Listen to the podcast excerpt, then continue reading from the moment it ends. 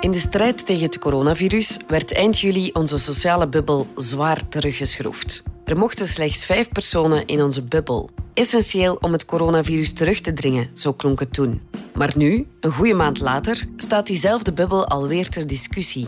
Terwijl er nog steeds om en bij de 400 besmettingen per dag zijn.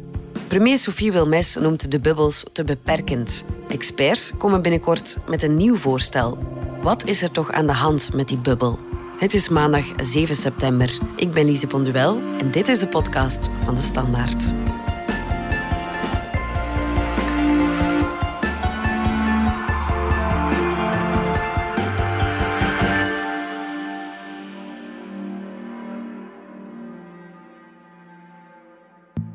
Mensen moeten thuis blijven om los van hun gezin maximale contact met de buitenwereld te vermijden. À partir de dimanche prochain. Nauwere contact hebben met tien verschillende personen per week. Bijeenkomsten zijn niet toegelaten. Altijd dezelfde mensen. Zie elkaar dan bij voorkeur buiten. Buiten. Buiten uw huisgenoten. Dat is in feite uw persoonlijke uitgebreide bubbel. En opgepast, die mensen mogen alleen bij dat ene gezin langsgaan. Dit geldt voor ieder van u persoonlijk. Dat is een individuele recht. Het spreekt voor zich dat er geen bezoek is toegestaan als een van de bezoekers of een van de gezinsleden ziek is. Opgepast. Per week betekent dat deze groep elke week kan veranderen als je wil. Tot vier mensen, tien per week, maximum vijftien, lijkt misschien niet veel. Dezelfde vijf personen, tien personen, kinderen inbegrepen. Dus je hebt het goed gehoord. Vijftien, tien, veertien. Zorg goed voor jezelf, voor de anderen. Je vous remercie pour votre attention. Ik dank u. Dank u wel. Zijn er vragen? Dries de Smet, redacteur van onze wetenschapsredactie. Kan je nog eerst even kort uitleggen wat die bubbel van vijf precies is? Dat betekent heel eenvoudig, als gezin mag je in één maand tijd maar vijf mensen zien, ja? uh, van boven de twaalf. Dat zijn de enige waar je nauw contact mee mag hebben in één maand tijd. Ja, en die bubbel van vijf werd eind juli ingevoerd ter vervanging van de bubbel van vijftien, die daarvoor was ingevoerd. Waarom werd die bubbel van 15 toen ingeperkt? Wel, die bubbel van 15 die was uitgebreider, niet alleen 5 tegenover 15. Het ging toen al over 15 mensen kinderen inbegrepen. Maar die mocht je ook elke week wisselen. Dus in de praktijk betekende dat je heel veel mensen kon zien over een aantal weken of, of maanden tijd. Ja. Um, en op dat moment, eind juli, was het zo dat het aantal besmettingen uh, sterk aan het stijgen was. Vooral in de provincie Antwerpen, in de stad Antwerpen. Uh, en men voelde, ja, als dit hier blijft doorgaan, dan zitten we opnieuw in een uh, aanzwellende epidemie. Um, en dus moeten we iets doen. Um, en in de weken daarvoor hadden experts al aangegeven, ja, er zijn te veel sociale contacten. En we zien dat de besmettingen precies komen uh, van feestjes, van grote familiefeesten, van grote bijeenkomsten of bijeenkomsten in privésfeer. Ja. Dus het is precies in de privésfeer dat we ook moeten een uh, beperking gaan opleggen. En dus heeft men daar die bubbel dan verkleind naar iets veel restrictiever, namelijk vijf mensen op één maand tijd zien en nauwe contacten dan. Ja, maar ze konden het niet controleren. Nee, dus men heeft ook nog een tweede regel ingevoerd, dat je met niet meer dan tien mensen mag samenkomen. Ja. Het idee is, als jouw gezin vijf mensen is, dan kunnen er nog vijf mensen bijkomen in de bubbel, dat is samen tien. Uh, maar die bubbel, ja, men, de politie zal zich niet bezighouden om te zien wie zit er allemaal in je bubbel, dat zullen ze niet vragen. Dus wat je dan hebt is een tweede regel, je mag max, maximaal met tien mensen samenkomen en dat is wel makkelijker te controleren, zowel privé als in het openbaar. Ja, dus je bent eigenlijk zelf verantwoordelijk of je je eraan houdt of niet. Ja, dat heeft Wilmes van het begin duidelijk gemaakt. Dat er burgerzin moest zijn. Ja. Ze heeft ook onlangs, ook gezegd, ja, die bubbel van vijf is een sterke indicatie dat je je sociale contacten moet beperken. Want is dat ja. precies wat je moet doen om het virus tegen te houden. Ja, want het aantal contacten beperken om het coronavirus minder snel te laten verspreiden, dat is dan de logica zelf. Maar nu toch komt er weer kritiek op die maatregel. Waarom? Ja, om verschillende redenen. Eén, het is heel beperkend. Dat is wat we dagelijks in ons sociaal leven voelen. Je, je, je, mag niet alles in sociaal leven en dat blijft nog wel even zo. Dus dat is niet zo fijn. Dat is één, het is een verstorende maatregel. En twee, wat men ook ziet, is die tweede golf. Ja, dat is maar een klein golfje geweest, dankzij de maatregel natuurlijk. Mm -hmm. uh, maar dat leidt er ook wel toe dat, uh, dat mensen gaan zeggen, ja, in de eerste golf waren er veel doden en veel ziekenhuisopnames. Nu testen we veel meer. We hebben ook meer positieve gevallen. Ja. Maar die ziekenhuisopnames en het aantal doden, dat volgt niet. En was het ons niet precies om die ziekenhuisopnames te doen, want we moeten zorgen dat de capaciteit in ziekenhuizen voldoende is, zodat we mensen ook kunnen helpen. Dat ook andere zorg niet in het gedrang komt. Dat was heel erg de lijn in de eerste golf. Mhm. Dat is vandaag nog altijd zo. Maar als je dan ziet dat de ziekenhuisopnames niet stijgen, dan komt ook heel vaak de kritiek van ja, zijn die maatregelen niet te streng? Ehm, moeten we wel zo streng zijn? Als we nu wat, wat losser zijn, hebben we misschien wat meer ziekenhuisopnames, maar het is niet dat dan de ziekenhuizen het op dat, dat moment al niet meer aan kunnen. Mhm. En je merkt dus uh, ja, dat er ook veel, veel kritiek op is. Uh, ook al omdat ja, de maatregelen niet nageleefd worden. Uh, als je bevragingen ziet, dan is maar de helft van de mensen die zich aan die maatregelen, aan die bubbel van vijf houdt. Ja. Weinig mensen die ook dat actief tellen uh, en zo bijhouden. Ja. En dan is ook de vraag, als zoveel mensen zich er niet aan houden, moeten we dan niet andere maatregelen gaan nemen die, die, die beter gevolgd worden? En uh, van waar komt die kritiek? Ja, uit verschillende hoeken. Bijvoorbeeld Lieven Annemans, gezondheidseconoom, en Geert Noels, hoofdeconoom bij Econopolis. Uh, die, die vonden, we zijn te streng, we moeten met het virus leren leven en we moeten meer gaan toelaten om een kwaliteitsvoller leven te gaan leiden. Dus vanuit die hoek had je die kritiek. En uh, de week daarvoor ook al van Franstaligen, uit Franstalige hoek. Uh, epidemioloog van ULB, Yves Kopieters bijvoorbeeld, die zegt ja, die bubbel van vijf, ik zie daar geen wetenschappelijke evidentie voor om die aan te houden. En Jean-Luc Gallat, een uh, Brusselse infectioloog, zei dat ook.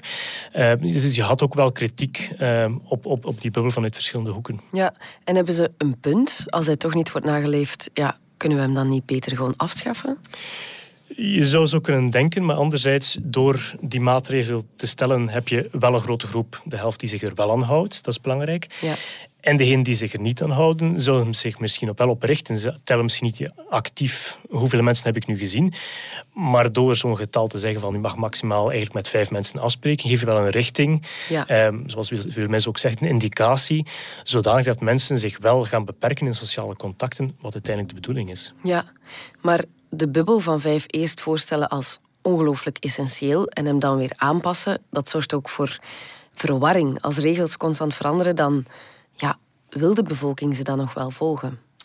Dat is een heel goed punt. Ehm, je ziet als we kijken naar de motivatieonderzoeken um, dat de motivatie op een laag punt staat. Op een laag punt om de maatregelen op te volgen. Maar je ziet ook aan die onderzoeken dat mensen zich minder goed in hun vel voelen. Um, en dus die twee samen maakt het dat het moeilijk is om de maatregelen op te volgen. Ja. Als je dan ook nog eens voortdurend ja, die communicatie gaat gaan, moeten aanpassen en voortdurend die wijzigt, ja, dan kunnen mensen aan het eind ook niet meer volgen. Dus dat is een lastig punt. Je wil wel het, het versoepelen of verstrengen als het nodig is. Maar het is heel belangrijk, en alle experts benadrukken dat ook altijd, dat je communicatie goed zit. Dat mensen ook wel weten wat er nu van hen verwacht wordt. Een open brief aan Mark van Ranst. Meneer van Ranst, u hebt ons samen met uw collega's opgezadeld met het onzalige fenomeen der sociale bubbels. Nog los van het feit dat ik volstrekt allergisch ben aan het woord bubbels, vooral omdat het meestal gebruikt wordt door huisvrouwen die hun drankverslaving willen vermommen als een onschadelijke vrije tijdsbesteding, weet na zes maanden nog altijd niemand wat we nu eigenlijk moeten verstaan onder die bubbel.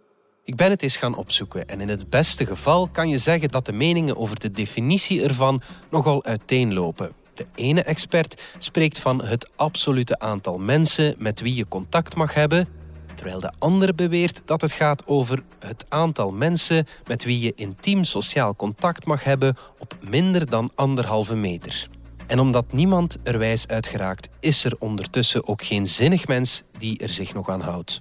Voor experten als u is het dan weer een reden om iedereen die het niet snapt te behandelen als een minkukkel, een eencellige die niet zou misstaan in de cast van Temptation Island. Getekend theatermaker Peter Perceval.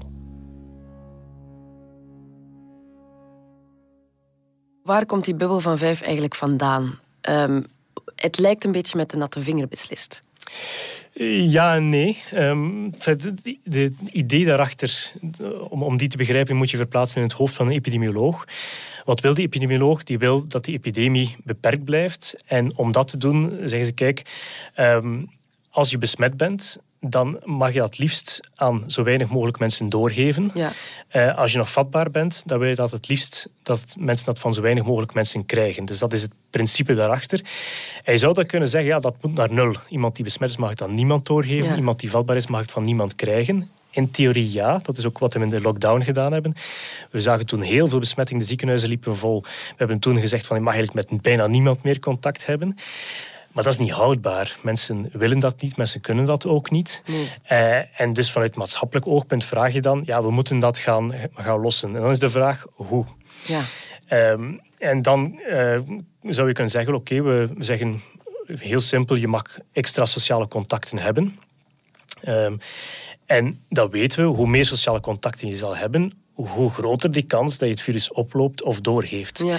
En die sociale bubbel, de Universiteit van Warwick heeft daar een, ook een onderzoek, een simulatie over gedaan. En zegt, ja, die sociale bubbels zijn op zich wel een goed idee.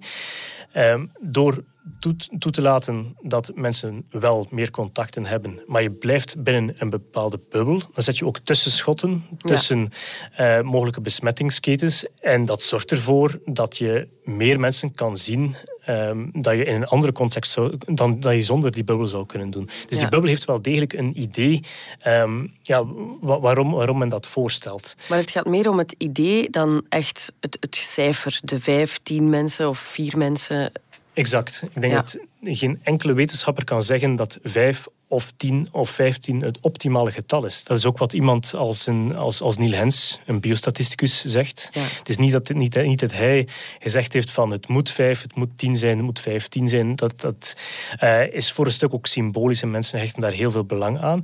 Maar wat natuurlijk iedereen wel kan zien is, ja, hoe meer hoe meer kans je heeft aan het virus om zich te gaan verspreiden. En dan is het een zaak om ja, goed vast te stellen ja, wat kan u en wat kan niet.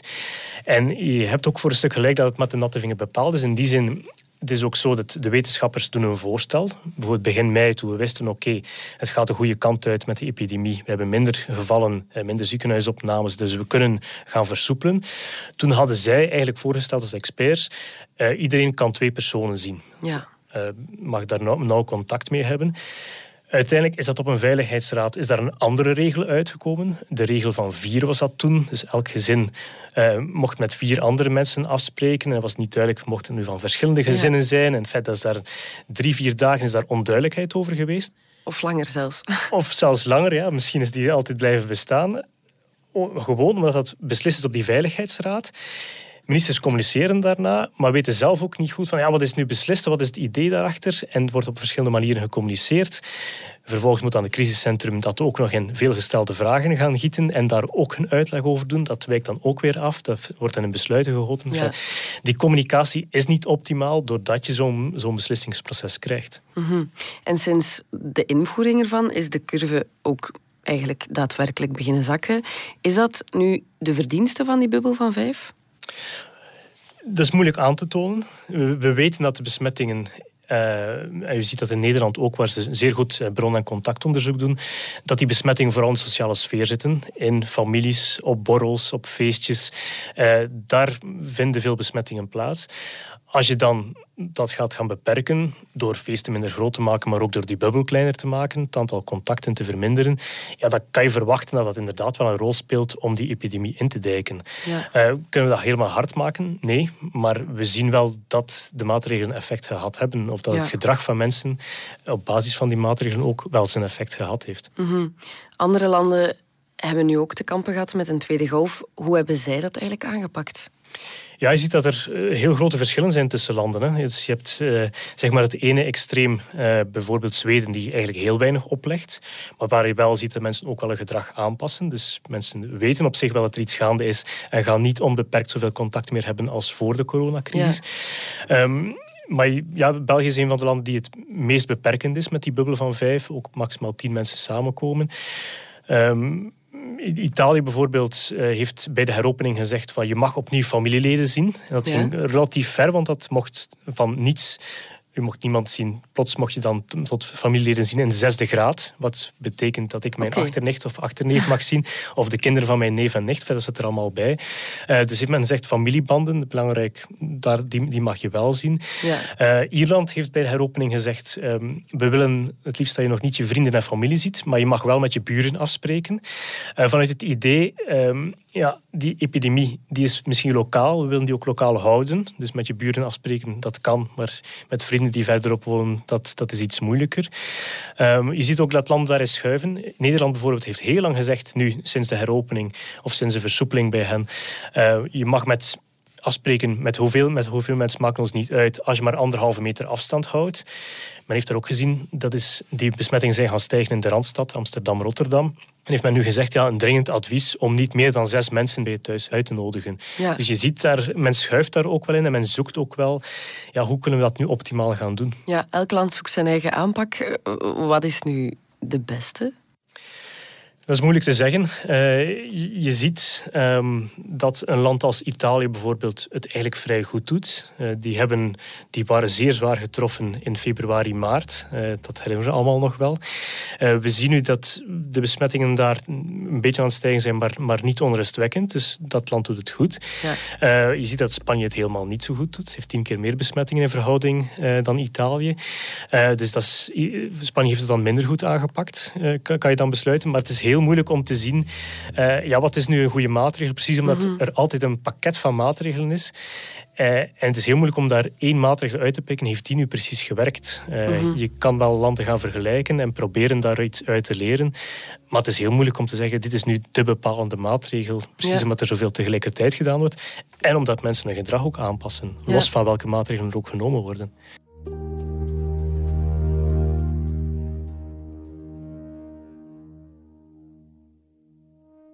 En nu, in ons land willen ze de bubbel van vijf herzien. Wat zou er eigenlijk in de plaats kunnen komen van die bubbel van vijf? Ja, die Celeval komt, uh, komt nu voor het eerst samen. Dus dat is een nieuwe Celeval en een nieuwe samenstelling. Dus die moet zich daarover buigen. Celeval, kan je dat nog eens kaderen? Uh, Celeval is letterlijk de evaluatiecel. Um, die bestond uh, al in het begin van de coronacrisis. Maar men heeft die nu eigenlijk heruitgevonden.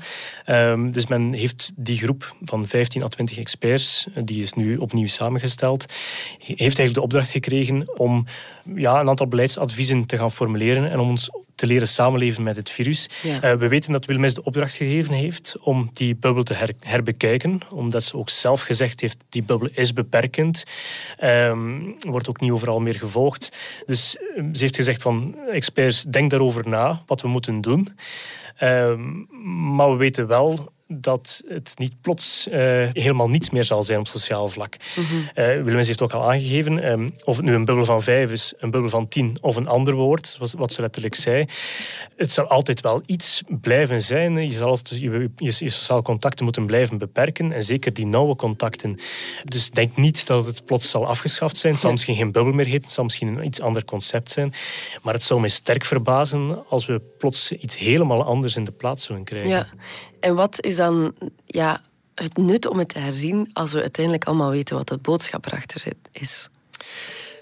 Ja, dat is, dat is, een goede vraag. Eh, het punt is dat je natuurlijk, je moet een draagvlak hebben voor je maatregelen. Um, en als je ziet dat de motivatie daalt en blijft dalen, uh, dan zit dat niet goed. Ja. Uh, dus dan moet je op zijn minst helderder gaan communiceren, ook duidelijk maken waarom dat zo is.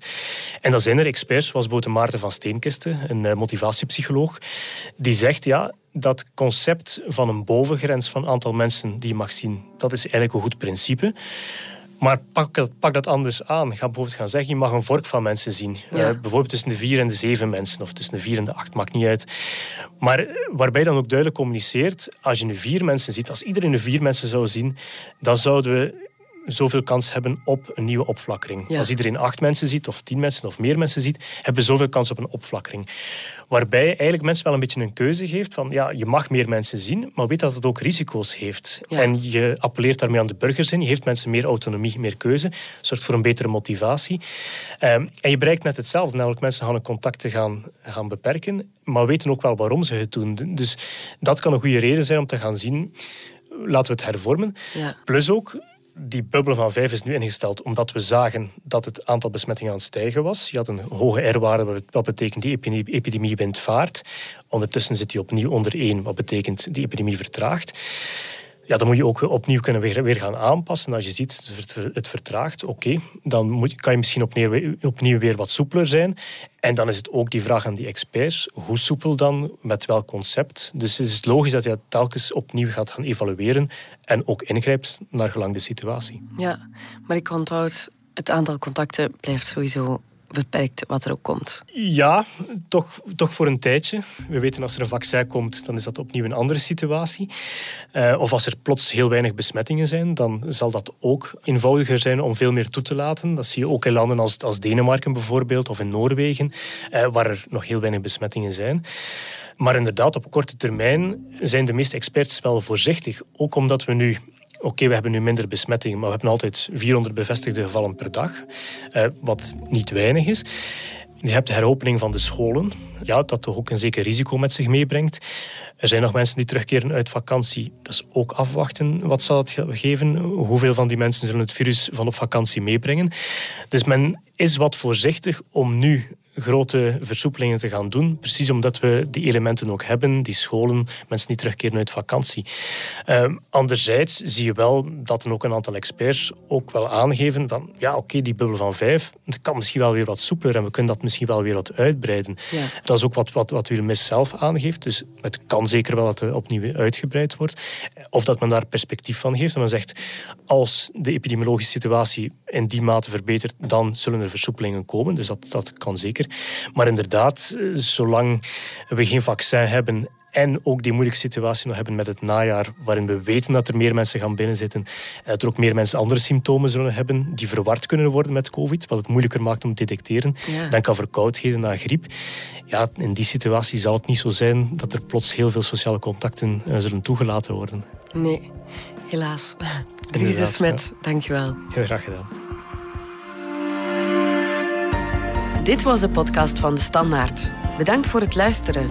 Wil je reageren? Dat kan via podcast.standaard.be. Alle credits vind je op standaard.be-podcast. Morgen zijn we er opnieuw.